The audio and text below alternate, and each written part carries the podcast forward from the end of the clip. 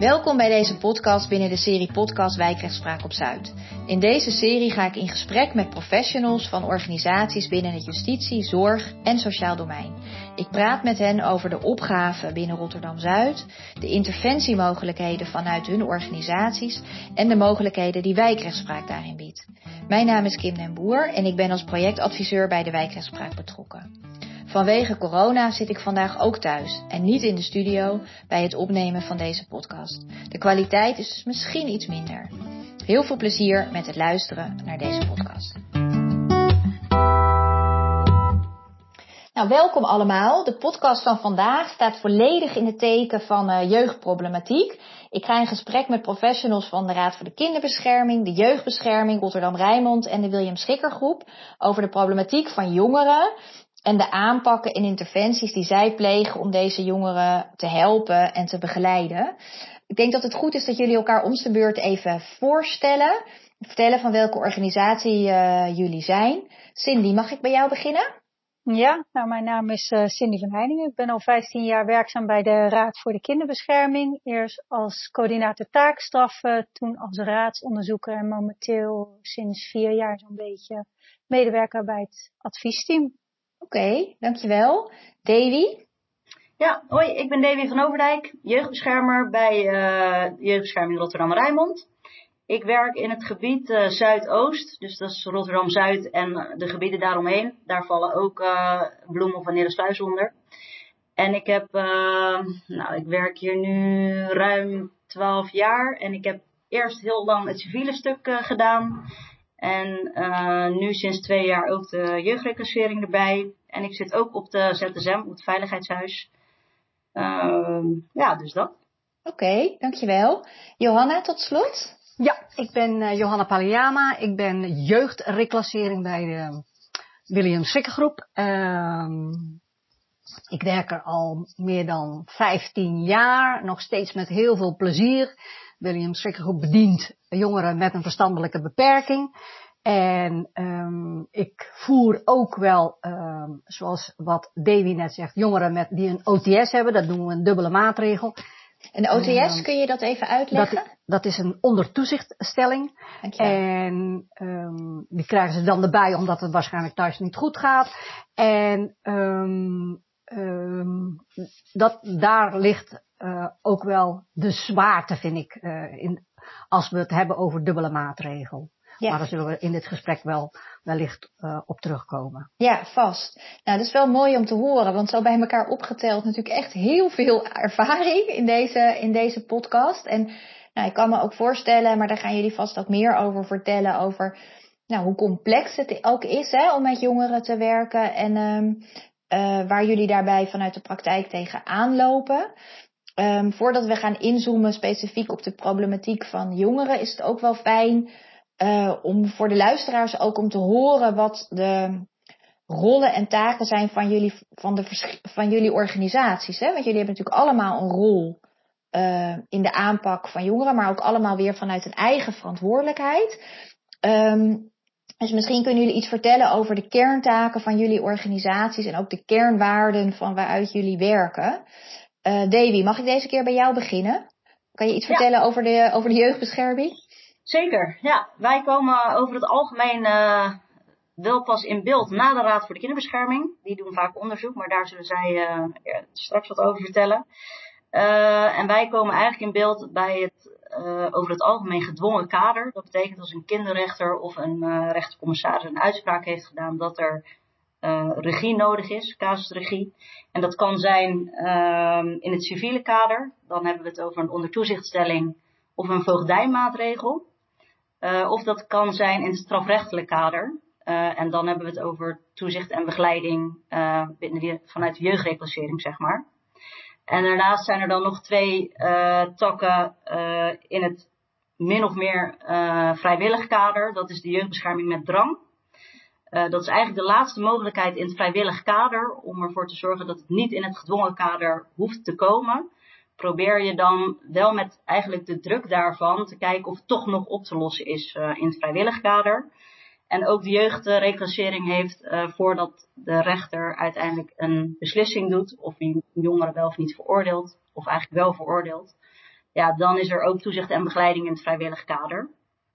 En nog een laatste tak is het crisisinterventieteam, wat de jeugdbescherming heeft. En dat is spoedhulp, uh, ja, 24 uur uh, per dag, heel de week zeg maar, bereikbaar voor alles wat rondom jeugdigen met crisissituaties te maken heeft. Ja, ja, dus dat is eigenlijk vrij breed, eigenlijk een heel breed palet hè, aan verschillende dingen waar jullie, die jullie doen, hè, waar jullie begeleiding en ondersteuning en advisering bieden. Is er ook een soort nou ja, motto, of hoe zou jij de kernwaarden van de jeugdbescherming Rotterdam, Rijnmond samenvatten of benoemen? Um, ja, ik denk dat er uh, twee dingen heel belangrijk zijn. Uh, punt 1 is dat de cliënt altijd centraal staat. En daarmee bedoelen we uh, in eerste instantie het kind, maar natuurlijk ook het gezin daaromheen. En een tweede is jeugdbeschermen doen we niet alleen. Als een kind uh, in onveiligheid is, dan hebben we iedereen daaromheen nodig. En dat uh, niet alleen het kind en de ouders, maar ook het hele netwerk. Zowel het professionele netwerk als het netwerk rondom het gezin, de familie, de school, uh, alle partijen ik denk dat die twee dingen wel heel erg belangrijk zijn. Ja, oké, dankjewel. Um, Johanna, ik ben heel benieuwd hoe, um, hoe jij dat ziet vanuit de William Schikkergroep. Hè? Dus wat, jij, uh, wat jullie kerntaken zijn en ook wat, waar de eventuele verschillen liggen. Nou, eigenlijk uh, doen wij niet veel anders dan wat uh, JBRR doet. Uh, begeleiden van jongeren. Wij hebben ook jeugdbescherming. We hebben ook jeugdreclassering. We hebben drang, dwang, geen KIT. Want daar maken wij ook weer gebruik van, van jeugdzorg. Van JBRR. Het verschil zit hem in, in de doelgroep die wij bedienen. En die de JBRR bedient. Wij werken echt met jongen, jongeren die een verstandelijke beperking hebben. Of ouders die mogelijk een beperking hebben. En dus dat is het verschil eigenlijk met JBRR. En de kernwaarde is, ja, weet je, um, je bedient een doelgroep die heel zwak is, heel kwetsbaar is. En jongeren, als ik het heb over jeugdreclassering, en de jongeren die worden vaak gebruikt, misbruikt, ze hebben het vaak niet door. En dat is ons doel, om die jongeren te beschermen. Ja, oké. Dankjewel, daar komen we straks later ook nog, uh, nog verder op terug. Cindy, de Raad voor de Kinderbescherming heeft natuurlijk weer een hele andere rol eigenlijk. Hè? Kun jij daar iets over vertellen? Ja, nou ja, wij, onze rol is eigenlijk hè, dat ieder kind dat uh, wordt, uh, dat ernstige schade dreigt op te lopen, hè, de, altijd recht heeft op onafhankelijk advies, wat wij zijn wij zijn natuurlijk uh, geen hulpverlenende instantie, maar wij uh, doen onderzoek om te kijken ja, of er dus uh, wat ingezet moet worden qua hulp. En hè, daar hebben wij twee kerntaken, zowel op civiel en op strafrechtelijk vlak. Uh, civiel is dan echt uh, als het uh, in de ontwikkeling thuis of ontwikkeling zelf van het kind niet goed loopt. Gaan we kijken wat is er in de thuissituatie nodig. En op strafgebied, hè, als een kind lijkt te ontsporen met politie en in aanraking komt, doen wij onderzoek om te kijken wat daarin nodig is. Ja, en kun je nog iets zeggen uh, hoe jeugdige jongeren bij jullie terechtkomen, hoe ze aangemeld worden? Hoe komt iemand met de Raad voor de Kinderbescherming in aanraking? Met name op het ja. civiele stuk ben ik daar benieuwd, want voor straf spreekt denk ik redelijk voor zich. Maar... Uh, dat gaat via de jeugdbeschermingsplein. Nou moet ik zeggen, ik ben zelf uh, echt wel into uh, de straf. Dus ik ben niet heel erg gelegd op civiele vlak. Maar dat gaat wel via het jeugdbeschermingsplein. Er worden kinderen aangemeld waarbij al vrijwillige hulpverlening is geprobeerd in te zetten. wanneer dat niet loopt zoals het hoort te lopen. Of er zijn toch dingen die nou, waarvoor er toch nog de, de zorgen te groot zijn voor een vrijwillig, op vrijwillig vlak. En dan komen wij kijken en dan gaan wij een onderzoek doen om te kijken van joh, is er, is er in het, ja, in het rechtelijk kader wat nodig, zeg maar. En dus dan spreek je dus over de OTS van de toezichtstellingen. Ja, Johanna en ik zeiden net, hè, wij hebben ook uh, binnen de jeugdbescherming hebben wij het drangkader, wat dus betekent van de laatste kans in het vrijwillig kader. En daar kijken we eigenlijk van, nou lukt dat nou om daar nog de hulp in te zetten? En een heel belangrijke factor is uh, ja, werken ouders en de jongeren mee. Want dan, ja, dat probeer je natuurlijk. En als dat lukt, dan is vaak uh, een rechtelijke machtiging in het civiele kader dan niet nodig. Omdat ja, als, als ouders en jongeren meewerken, dan kom je er vaak wel. Er zijn altijd gevallen niet. Maar dat is eigenlijk inderdaad nog een stukje aanvulling hierop. Ja, mooi, dankjewel. En um, misschien, Cindy, kan je ook nog iets zeggen over het lei? Want dat is een kreet die ik vaak hoor hè, als het gaat over uh, jeugdigen. Het, grote handboek, volgens mij. Um, kun je vertellen wat dat is en wat het ook niet is misschien? Ja, het lei is een instrument wat wij gebruiken om te kijken het strafrechtelijk kader van wat zijn de risicofactoren. Uh, het is dan een, een, het is op wetenschappelijk basis is dat zijn een aantal vragen zijn dat die wij gebruiken om te kijken van uh, ja, hoe groot is de kans dat een jongere weer uh, in aanraking komt met de politie. Daar gaat het eigenlijk over. En dan heb je een bepaalde scores en uh, als dat op hoog uitkomt, zeg maar, dan is het de kans heel erg aanwezig dat een jongere dus uh, nou ja, weer nog een keer uh, in aanraking zou kunnen komen met politie als je daar niks aan doet. Ja. En dan heb je op verschillende vlakken, bijvoorbeeld hè, op het kader van, uh, waar, waar, doen wij onderzoeken naar vrije tijd, de vrienden, de schoolgang, het gezin. En in elk gebied gaan wij kijken, nou wat zijn de uh, risicofactoren in deze, op deze gebieden. En uh, dat brengen we dan in kaart. En gaan we kijken van, joh, wat is er nodig om die risicofactoren te verminderen? Ja, nou, dankjewel. Um, nou, vanuit het is fijn om even te beginnen inderdaad, om te horen wat jullie kerntaken uh, zijn vanuit jullie, de drie organisaties uh, die jullie vertegenwoordigen. Ik vind het ook wel fijn om met jullie wat meer in te zoomen op wat voor problematiek jullie nou tegenkomen. Hè? Wat speelt er nou um, bij, hè, wat is nou veel voorkomende problematiek bij, uh, bij minderjarigen? En misschien kunnen jullie ook iets zeggen over dingen die nu actueel spelen in, uh, in Rotterdam-Zuid. Uh, of misschien zeggen jullie, nou, dat is problematiek van alle tijden. Dat, dat kan natuurlijk ook. Um, dus, Johanna, zou jij daar iets over willen zeggen? Wat problematiek is die jullie op dit moment veel tegenkomen? Nou ja, wat, je, wat, je, wat ik zie en lees, dat lezen jullie denk ik ook in de kranten en dergelijke, dat je veel ziet, jongeren en met name 13, 12, 13, 14-jarigen, uh, dat was, uh, die, die, die lopen met messen, uh, steekpartijen zie je steeds meer, vind ik, op die leeftijd. Um, dat vind ik wel een tendens geworden nu. Uh, dat zie ik steeds meer. En hoe dat ineens komt, ik weet het niet ik doe dit werk al best wel een tijd. En dat was jaren geleden was daar ook al sprake van. Nou, toen werd het weer minder. En nu zie ik weer ineens dat dat weer uh, toeneemt. Ja, dus een, en, is dat dan een verharding of een... een, een... Ik, ja, dat, dat kan een verharding zijn. Uh, uh, ik, ik denk het haast wel. Of, of we krijgen zwaardere zaken doordat uh, het wijkteam ertussen is gekomen. Dat uh, zij uh, pakken de eerste zaken op. En als het niet lukt, dan gaat het naar het gedwongen kader. En dat het daardoor wellicht lijkt alsof wij een zwaardere zaak hebben. Maar ik denk wel dat het uh, zo is dat je veel meer uh, leest.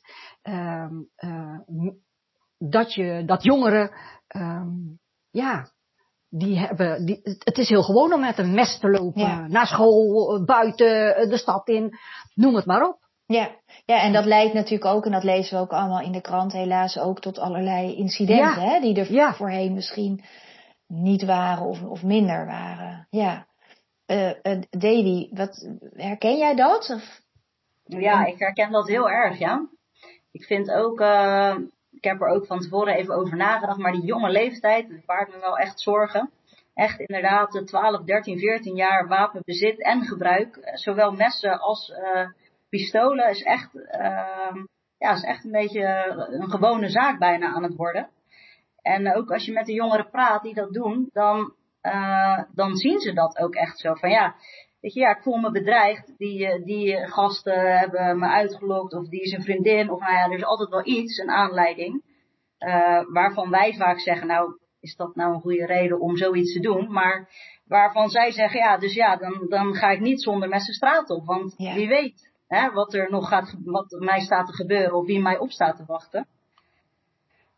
dus dat, dat vind ik wel echt, dat, dat zie je echt veel. Ehm, en ik vind ehm, ja, ook wel in Rotterdam-Zuid in ieder geval um, hoor ik ook wel heel veel van mijn jongeren terug. Van ja, je, je wordt hier geboren, je komt ook al dus heel jong in aanraking met al dit soort problematiek. En ook wel het criminele gedrag. Dat wordt ook al vanaf heel jong uh, op straat gezien en ook dus genormaliseerd op die manier. Uh, en zo stroom je er ook makkelijk in. Dus dat, dat zie je wel uh, veel. En um, wat ook wel iets is van de laatste tijd heel erg, is die, die fraude, uh, die, die geldezels, dat kinderen ingezet worden. Ook echt kinderen, uh, om, uh, om, om gewoon om op te lichten. Om ja, dus veel meer de cyber, cybercrime-achtige dingen. Is dat dan wat je bedoelt? Ja, ja, inderdaad, ja. Ja, en social media is natuurlijk ja, ook nee, precies. Maar ja, ja, precies. Ja. ja, digitale vormen van criminaliteit in ieder geval. Ja. Oké, dus het wordt allemaal jonger en normaler. Dat ja. ik jullie eigenlijk uh, zeggen. Cindy, hoe, hoe um, kijk jij daarnaar vanuit, vanuit, de, vanuit de Raad voor de Kinderbescherming? Herken jij dit? Of misschien nog andere ja. dingen? Ja, ook bij de Raad inderdaad uh, komt uh, mestproblematiek naar voren inderdaad. En doen, doen wij regelmatig onderzoeken, cybercrime inderdaad. Uh, ja, de problematiek bij, bij, bij jongeren wat we zien is, ze komen toch vaak uit, uit gezinnen die het, uh, ja, die, die vaak schulden hebben, uh, armoede kennen. Er zijn ook vaak kinderen met uh, persoonlijkheidsproblematiek. Uh, ja, ook het IQ. er zijn ook heel vaak kinderen, dat is momenteel ook zo in het strafrechtelijk, ja, in de onderzoeken tot vaak naar voren komt dat er toch kinderen zijn met een wat lager IQ. Daar is momenteel ook uh, heel veel uh, over te doen, zeg maar. Hè. We, willen, we willen daar dan toch wat meer op gaan inspelen. Uh, ja, dus ja, je komt, ja, dat soort dingen kom je tegen. Ja. ja, dus jij zegt inderdaad ook nog eens, voegt er nog aan toe van, het is ook vaak complex in de zin van dat meerdere dingen naast elkaar spelen. Hè? Dat het kwetsbare jongeren zijn, hoor ik jou zeggen. Ook in, hè, die in gezinnen opgroeien waar nou, bepaald gedrag hè, of, uh, misschien normaal is. Um, en het, dat, dat uh, schuldenproblematiek hoor ik je zeggen? Um, LVB-problematiek. Dat dat, um, ja, dus ook moeilijk om dat aan te pakken, kan ik me voorstellen, hè, voor jullie als, uh, als professionals. Um, kunnen jullie daar iets over zeggen? Over hoe jullie dat dan doen? Hè? Want dit zijn dan de jongeren waar jullie mee te maken krijgen. Um, kunnen jullie iets vertellen over interventies, hoe klein misschien dan ook, hè, die, uh, die werken? Nou, wij, wij zijn als Raad voor de Kinderbescherming zijn we natuurlijk meer, uh, wij geven advies ja. hè, aan de rechtbank. En dan heb je het over bijvoorbeeld een werkstraf of een leerstraf of inzetten van hulpverlening. Dus wij kunnen niet echt zozeer zeggen van joh, wat is effectief. Hè? Dat, uh, het is wel zo dat jongeren ook nog wel eens terug bij ons komen. Het is niet zo dat het uh, één keer is en dan nooit meer. Helaas hebben we ook te maken met jongeren die regelmatig terugkomen en waar we weer opnieuw onderzoek naar moeten doen. Uh, de rol uh, van de Raad voor de Kinderbescherming. We hebben ook nog een, wat ik net was vergeten te melden, we zijn ook uh, coördinator ta taakstraffen. Dus wij begeleiden ook de jongeren die een taakstraf krijgen naar een taakstraf. En dan kijken we ook naar de, een match. Hè, want we willen natuurlijk de slagingskans zo groot mogelijk maken. Het is bedoeld dat de jongeren dus weer dan wel weer succeservaring opdoet. Dat, ja. dat werkt zelfvertrouwen misschien positief. Ja, ja, ja. Dus ook daarin gaan we bekijken naar het, ja, het is allemaal maatwerk wat we kijken. Hè. In het onderzoek is het uh, maatwerk. Uh, gekeken wordt natuurlijk ook naar het delict, maar ook naar de persoon en de problematieken eromheen. En ook uh, tijdens de taakstraffen wordt daar ook goed naar gekeken. Ja, en, en vanuit bijvoorbeeld die taakstraf, hè, heb je daar vanuit jouw ervaring Um, kun je iets zeggen in algemene zin over dat, wat dan werkt en wat niet werkt? Hè? Ik hoor je zeggen, het is altijd maatwerk. Maar zijn er uh, nou, ingrediënten waar jullie extra op letten? Uh, er wordt wel gekeken naar, inderdaad naar een IQ. Hè? Wat kan een jongere aan? Uh, wat is uh, daarin mogelijk? Er wordt ook gekeken naar de problematiek van de jongen. En die zit, als er echt voor zijn problematiek is, dan kan het zo zijn dat hij dan in een groepswerkproject wordt geplaatst. En andere jongeren zijn weer heel goed te plaatsen binnen individuele projecten. Dus ja, zo wordt een beetje gekeken van ja, waar zit de goede begeleiding? Hè? De ene werkproject heeft een hele goede werkbegeleider. De andere die staat weer wat minder stevig in zijn schoenen. Ook daar wordt naar gekeken. Ja, ja begrijp ik. Oké, okay, um, Davy, hoe, hoe zie jij dat? Uh, uh, als, ik, als het gaat om nou ja, aanpakken of interventies die, nou, die werken? Ja, dat is wel een moeilijke vraag, die werken, want het is voor iedereen zo verschillend. Ja. Uh, ja, waar ik als eerste aan moet denken is dat wij het vaak, het is natuurlijk hele complexe problematiek en er is al heel veel geprobeerd. In het vrijwillig kader en in het gedwongen kader soms ook. Uh, soms is er sprake van recidive, is er al een heel traject geweest. En dan nou ja, vallen ze toch terug in criminaliteit bijvoorbeeld. En dan is er weer een maatregel. Dus het is heel vaak een langlopend uh, traject waar ouders en kinderen vaak al heel moe van zijn en gedemotiveerd. Dus we zijn in eerste instantie, denk ik, als, als jeugdbeschermers en jeugdreclasseerders bezig met um, binnenkomen, überhaupt. Uh, ook letterlijk. We willen ook echt achter de voordeur kijken om die veiligheid in te schatten. Dat is een hele belangrijke en dat willen we ook eigenlijk zo snel mogelijk, liefst binnen een paar dagen, wil je die eerste inschatting al gedaan hebben.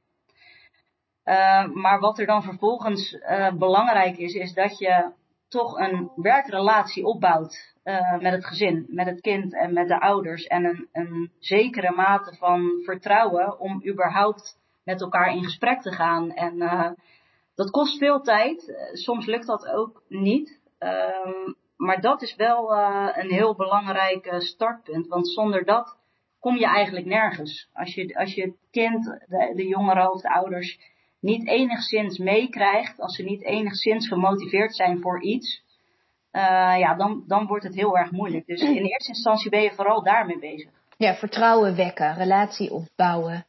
Hè, hoor ik je dan zeggen ja. ook. Ja. ja. Oké. Okay. Johanna, hoe, hoe, hoe zie jij dat? Ja, uh, wat Davy ook zegt, inderdaad vertrouwen uh, krijgen. En als ik terug mag komen op Cindy van de taakstraf, zeker wordt er op maat gekeken. Want uh, ik heb bijvoorbeeld een jongere die zit in een gesloten instelling en die moet ook een taakstraf uh, uitvoeren, een werkstraf. Dan wordt er samen gekeken van oké, wat past bij deze jongen, wat kunnen we zorgen, waar kunnen we voor zorgen dat hij toch zijn taakstraf uitvoert uh, en toch gemotiveerd voor is. Dan gaan we samen met de Raad voor de Kinderbescherming, taakstrafcoördinator, op zoek naar, oké, kan hij dat binnen de gesloten instelling? En 9 van de 10 keer kan dat ook. En dat is prettig, dat is maatwerk leveren.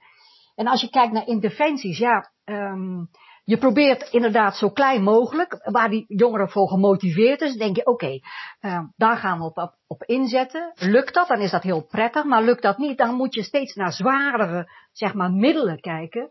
En als dat allemaal niet helpt, ja, dan, dan, dan zijn er van, dan, een verstrekkende maatregel is bijvoorbeeld dat je hem uit huis moet plaatsen. Dat wil je eigenlijk niet. Maar we hebben met kinderen te maken soms en dan, um, en als ze, zeker als ze nog jong zijn, um, dan moet je zo'n maatregel soms wel ingrijpen. Dat is drastisch.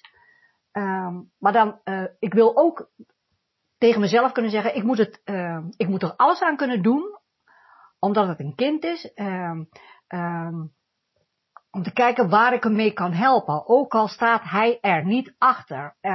Maar omdat hij nog zo jong is en omdat hij nog een heel leven voor zich heeft, vind ik wel soms dat we zulke maatregelen moeten nemen. En dat is helemaal niet fijn. Ik ben er ook helemaal niet trots op. Maar soms om een jongere te helpen, ja, dan moet je wel. Ja.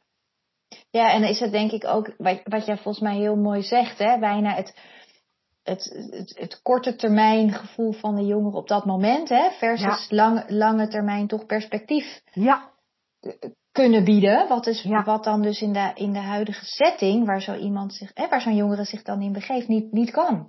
Nee. Nee. En de kunst is dan om met zo'n ouder of ouders, bij de ouders, toch in gesprek te blijven van, um, wij denken dat dit het beste is. Ja. Um, en dat is ook weer werken aan de relatie, aan vertrouwen en dergelijke. 9 van de 10 keer uh, lukt het wel, maar soms lukt het niet. En dan moet je toch zo'n maatregel nemen. Ja, dan, dan zeg je, ik kies voor het kind. Ja, ja begrijp, dat begrijp ik. Ja.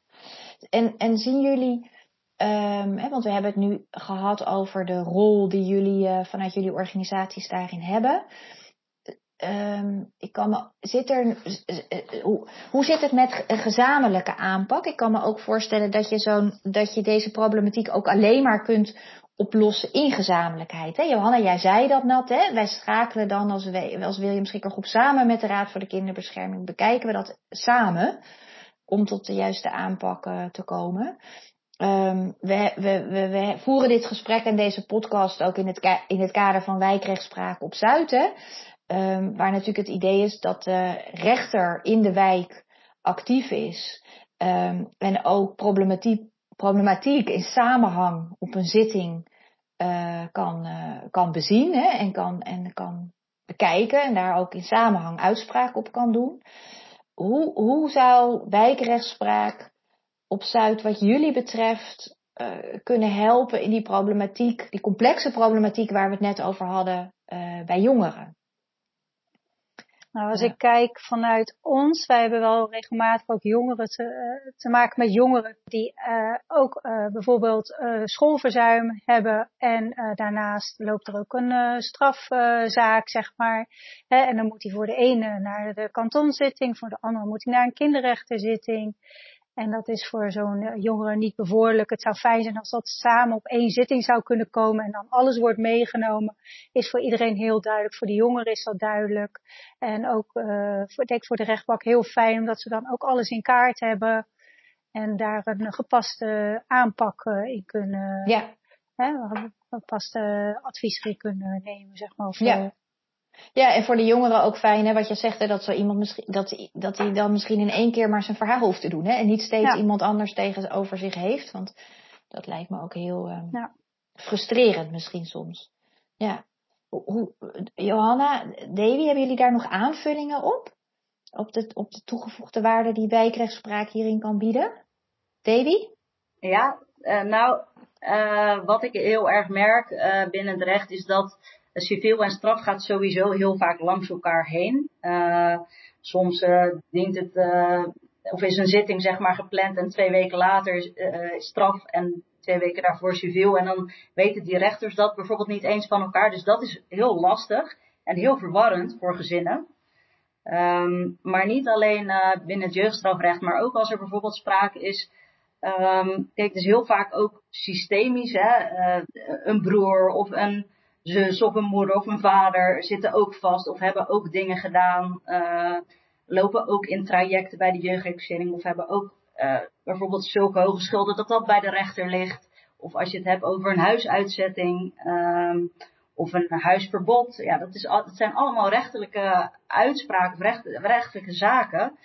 Um, waarvan, ja, waar heel veel winst te behalen is als je dat allemaal in één keer kan behandelen, denk ik. Door één rechter die alles bij elkaar ziet ja, het overzicht heeft en ook inderdaad vanuit het geheel hè, dan kan uh, ja, recht kan spreken eigenlijk. Ja, dat, begrijp ja. ik. Ja. Ja, dingen hangen ook vaak samen, hè, wat Davy ook zegt. En het is vaak niet één dingetje wat er speelt. Ik bedoel, jongeren die uh, uh, iets doet, iets strafbaars doet, is vaak, gaat toch vaak samen met inderdaad of het gezin loopt niet goed. Of hè, er zijn er vaak op meerdere vlakken zijn er toch problemen. Dus ja, die dan toch het fijn zou zijn als dat samen, als dat in zijn geheel wordt aangepakt, zeg maar. Ja, ja, oké. Want, want deze podcast die wordt natuurlijk beluisterd door heel veel uh, uh, professionals uit het justitieel, zorg um, en sociaal domein. Hè? Dus dat zijn allemaal jullie collega's in het netwerk. Uh, waar jullie ook mee te, eh, waarmee jullie ook mee te maken hebben en die wellicht, wellicht een rol hebben in, uh, in, het, in de aanpak rondom deze jeugdproblematiek. Is er nog iets wat jullie hen mee willen geven? Een, een oproep die jullie willen, willen doen of een, waarschuwing of een, of een, of een tip? Um, Johanna, mag ik bij jou beginnen? Ja, ik, ik, uh, ik, ik, zoals ik al eerder zei, ik werk met jongeren die een verstandelijke beperking hebben.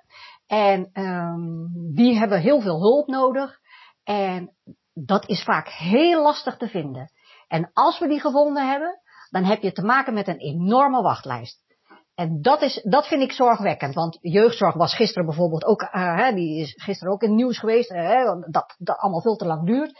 Um, dus dat, dat, dat vind ik dat dat moet veranderen. Dat, dat zou ik heel fijn vinden, want um, mijn doelgroep, en dan heb ik het over mijn doelgroep, de jongeren die een verstandelijke beperking hebben, spreek ik vandaag iets uit, dan heb ik het liefst dat het morgen gelijk ingezet dient te worden. Dat snapt hij gewoon veel beter.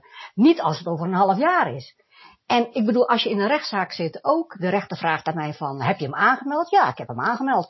Um, wanneer kan hij starten? Ja, dat weet ik niet. Want ze hebben een wachtlijst. Ja, heb je enige idee? Maanden, week, weken, maanden? Ja, daar kan ik geen antwoord op geven. En dat vind ik ook jammer. Voor zo'n jongen ook. Ja, maar ja. ook voor diens ouders. Die hebben dat probleem al jaren.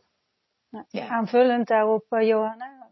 Um, ook idealiter zou zijn als zaken ook sneller op zitting zouden staan. Hè? Ik bedoel, in het, als je het hebt over het perfecte plaatje.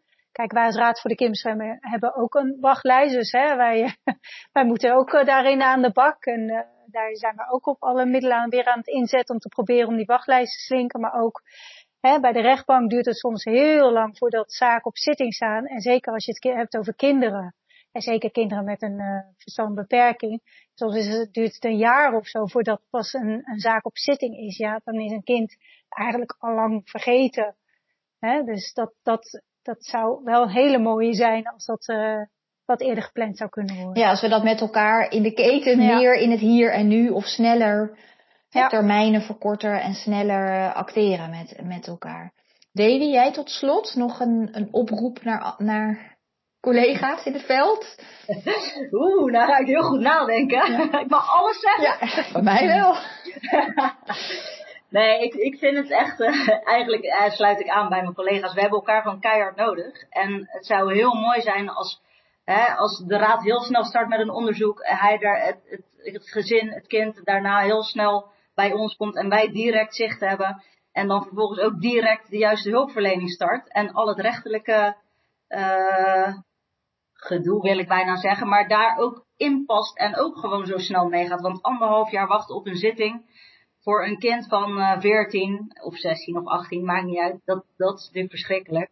En hetzelfde geldt voor zo lang wachten op hulpverlening die gewoon keihard nodig is. Je wordt vaak ook ingehaald door de feiten, zeg maar. Een kind is, moet hulp krijgen, maar doordat hij het niet krijgt, komt er alweer een volgend probleem. Dus zo, ja, dan ben je er bijna, dan word je bijna onderdeel van het probleem, omdat het niet lukt om de juiste dingen in te zetten. En dat is gewoon echt zonde.